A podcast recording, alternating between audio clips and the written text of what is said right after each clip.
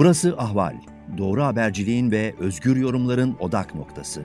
Podcast yayınımıza hoş geldiniz.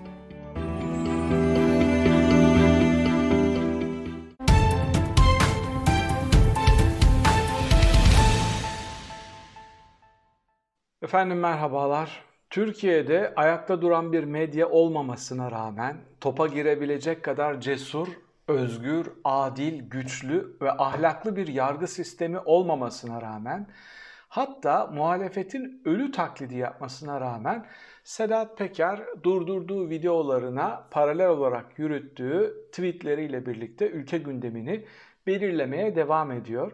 Artık çok üst perdeden atış yapmıyor, artık çok büyük ifşaatlar yapmıyor. Bunu kısmen anlayabiliyorum. Anlaşılan birincisi içinde bulunduğu hukuki durumlardan dolayı yani onu misafir eden ülkenin üstünde oluşturduğu kısmi baskıdan dolayı. İkincisi de şöyle bir şey var. Yani biz yıllardır konuşuyoruz konuşuyoruz da ülkenin nasıl çökeceğini, nereye düşeceğini, hangi hamlelerin önümüze geleceğini senelerdir konuşuyoruz da halk harekete mi geçiyor, tepki mi veriyor? Aslında bu tepkisizliği de anlayabiliyorum. Yani laf anlatamamak, bir aksi seda bulamamak da insanı yıldırabilen, susmaya, tempoyu düşürmeye itebilen motivasyonlardan, önemli gerekçelerden bir tanesi sadece medya ve yargı değil bakın. Gözden kaçırdığımız çok çok önemli bir şey var Peker ifşaatları karşısında. E, susurluk ifşalarında da benzer şeyler olmuştu. İşte muhalefet kısmen susmuştu vesaire ama orada hadi işleyen kısmen işleyen bir medya vardı ama orada çok güçlü bir sivil toplum vardı. Yani sendikalar, dernekler, federasyonlar, bazı farklı oluşumlar biz temiz toplum istiyoruz diye siyasetin yakasına yapışıp silkelemişti onları. Şimdi bu tabloya baktığınız zaman bir kere şöyle bir şey görüyoruz. Yani ben gözden kaçırdığım bir şey var mı? Bu adamın ifşa edip de karşısına çıkıp birinin sen yalan söylüyorsun.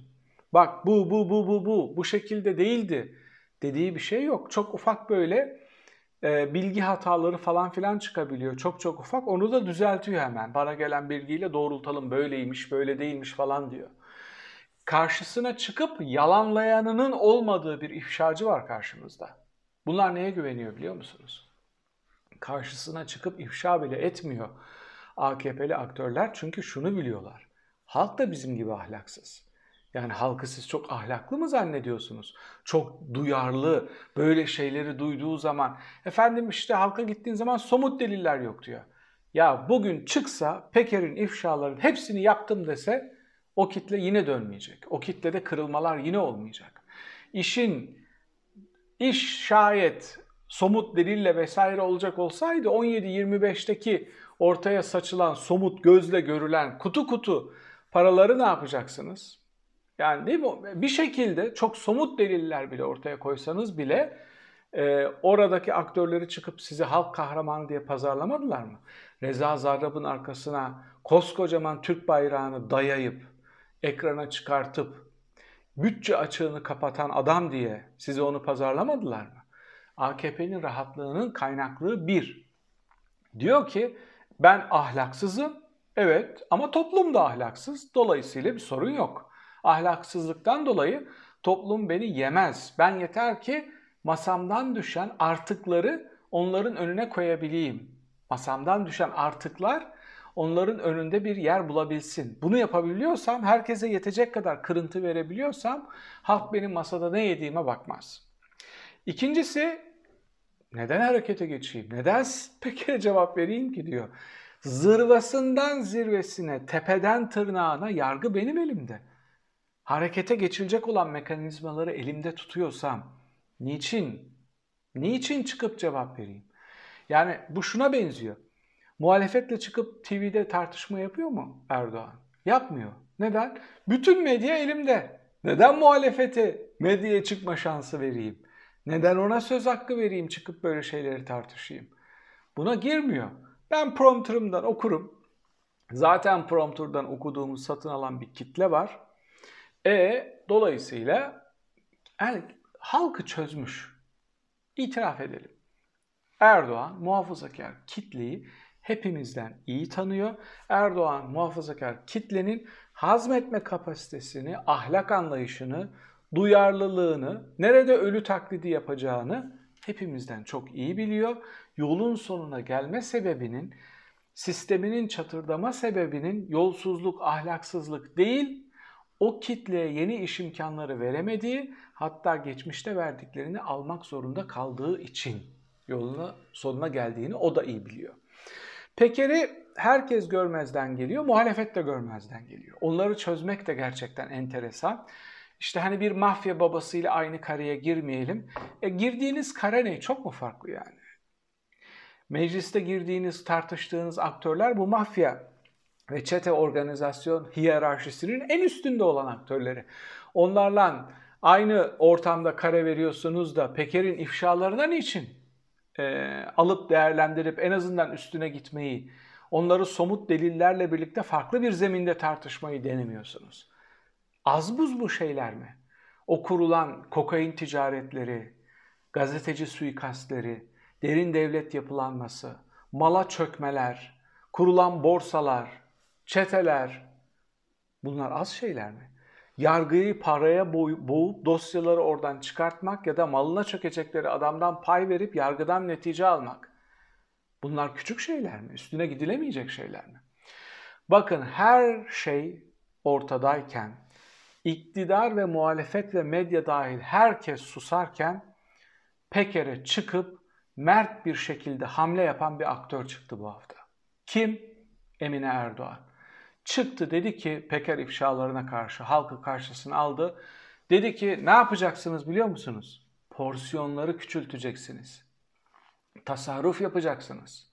Alışverişe giderken liste yapacaksınız. Sadece temel ihtiyaçlarınızı alacaksınız. Çenenizi kapayın. Doyacak kadar gidin malınızı alın. Porsiyonlarınızı da küçültün. Oturun oturduğunuz yerde. Buna paralel olarak da Cumhurbaşkanı çıktı. Bir genelge yayınladı. Tasarruf genelgesi yayınladı. Dedi ki şahsım ve Cumhurbaşkanlığı hariç. Onlar 800 milyon yanılmıyorsam.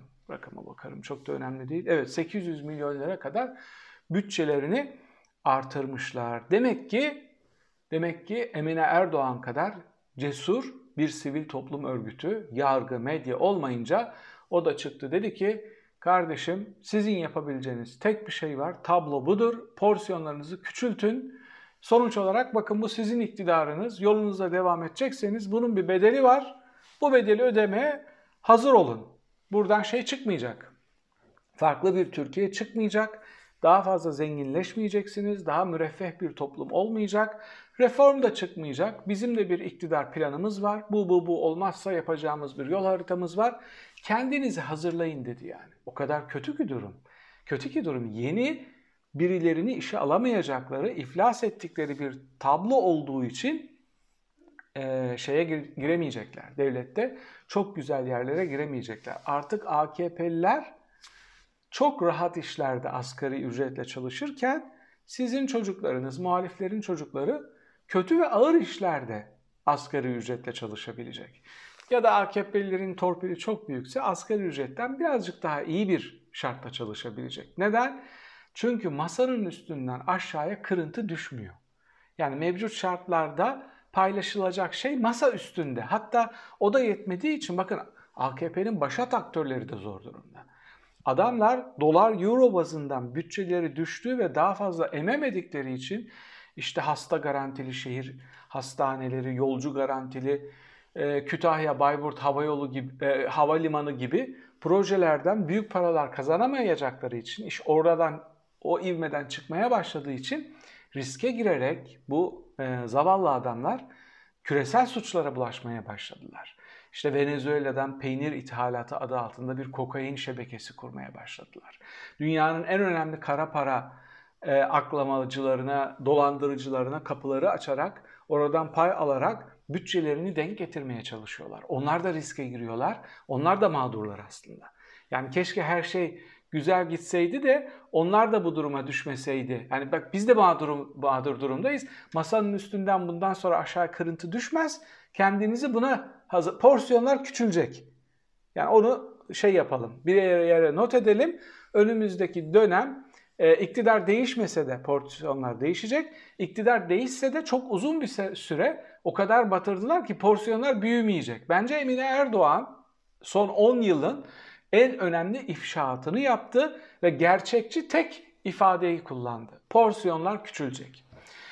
İşte buradan yola çıkarak benim merak ettiğim bir soru da var.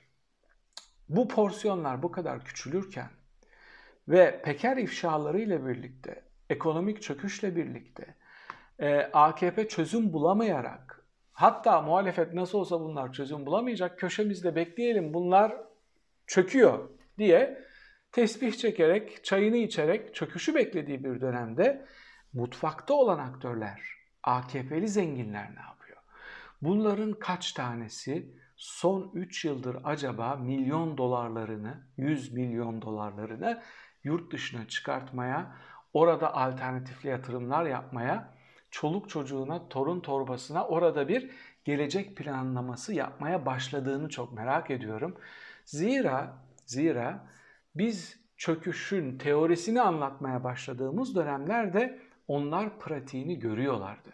Onlar varlık fonunun nasıl çarçur edildiğini, Cumhuriyet'in tüm kazanımlarının AKP iktidar treninde yakıt aracı olarak kullanılıp bir gün daha iktidarda kalabilmek için 10 yıllardır, çeyrek asırlardır, belki de daha fazla uzun süredir yaptı, yapılan yatırımların o kazanda nasıl yakıldığını gördükleri için işte dünyanın en çok çay tüketen ülkesinde senelerdir kar eden Çaykur gibi bir enstrümanın varlık fonuna devredildikten sonra batma noktasına geldiğini içerideki aktörlerin görmediğini mi zannediyorsunuz? Çaykur'un battığı, borca girdiği, çöktüğü bir ülkede ayakta kim kalabilir? Bu kadar başat bir te- temel tüketim, monopole yakın başat bir temel tüketim maddesini üreten bir yapı eğer ayakta duramıyorsa o zenginler de gardlarını almış, hesaplarını yapmış ve yollarına bir şekilde devam etme kararı almışlardır. Çaykur örneğinden mülhem bir sokak röportajı e, örneği vereceğim. Şimdi biliyorsunuz Türkiye'de çok meşhur oldu. Gençler işsiz olunca iletişim mezunları bir kamera, bir şey, bir kamera ve bir tripodla sokaklara çıkıyorlar ve e, kimisi yenileceksiniz'i doğrudan söylüyor, kimisi dolaylı söylüyor, kimisi hiç o topa girmiyor. Ama herkesin elinde artık bir kamera, bir tripod, bir mikrofon var. Rize'de e, sokak mülakatı yaparken yine bu ekipten bir tanesi bir gence şunu sormuş işte Rize'de. Yani e, Erdoğan diyor ki işte önümüz 2023'te dünyanın en önemli 10 ekonomisi arasına gireceğiz. Ne diyorsunuz diye masum bir şekilde bir soru soruyor. Aslında tahrik ediyor. Bu arada bu sokak röportajcıları da şeye dönüştü. Yani tutuklatma mekanizmasına dönüştü. Onlara e, freni boşalıp şey verenler, e, mülakat verenler bir şekilde ya soruşturma görüyorlar ya tutuklanıyorlar.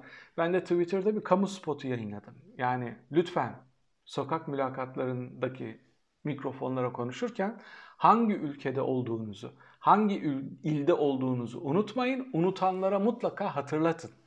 Sonuç olarak İsviçre'de yaşamıyorsunuz ya da Brüksel'de, Norveç'te, Oslo'da, Stockholm'da değilsiniz. İktidar aleyhinde konuşurken iki kere dikkat edin. Sorun net. 2023'te Erdoğan diyor ki Türkiye dünyanın en önemli 10 ekonomisinden biri olacak. Ne diyorsunuz? Delikanlı da diyor ki saçmalamış diyor. Şimdi gerçekten böyle bir orana, böyle bir yüzdeye Erdoğan gibi ekonomist olmanız gerekmiyor saçmaladınız demek için. Ve saçmalamış demek bir hakaret değildir. Durum tespitidir. Yani ama Türkiye'de bu kadar gücü ele geçirmiş adamlar kendilerini yarı tanrı gibi hissettikleri için o yarı tanrı gibi durdukları yerde onu izleyen, onu savunan aktörler de bu tür ifadelere karşı koşup hemen soruşturma başlatıyorlar. Erdoğan'ı korumak için. Niçin biliyor musunuz? Bu domino etkisi yapar.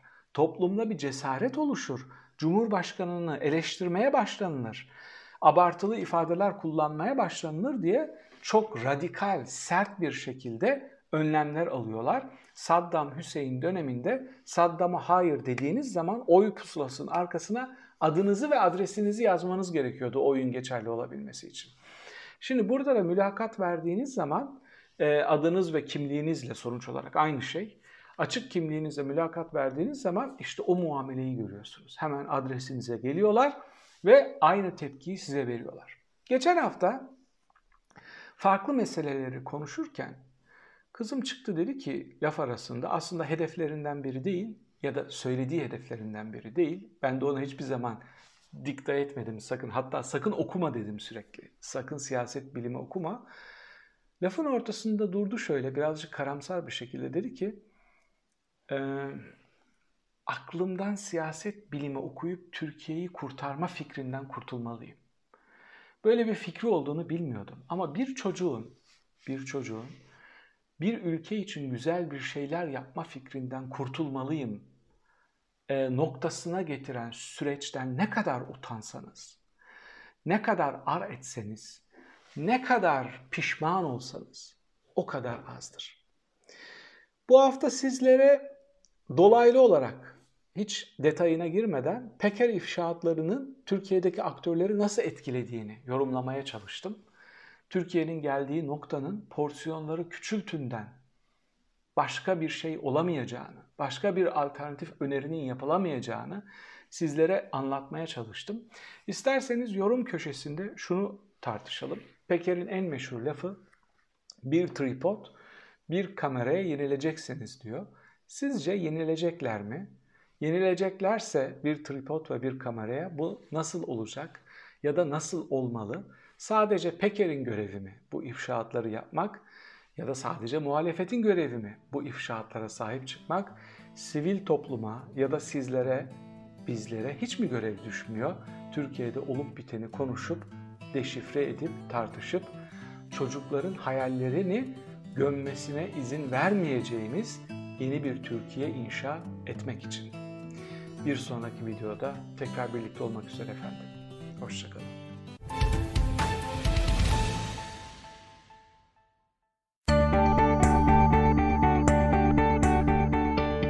Ahval podcastlerini tüm mobil telefonlarda Spotify, SoundCloud ve Spreaker üzerinden dinleyebilirsiniz.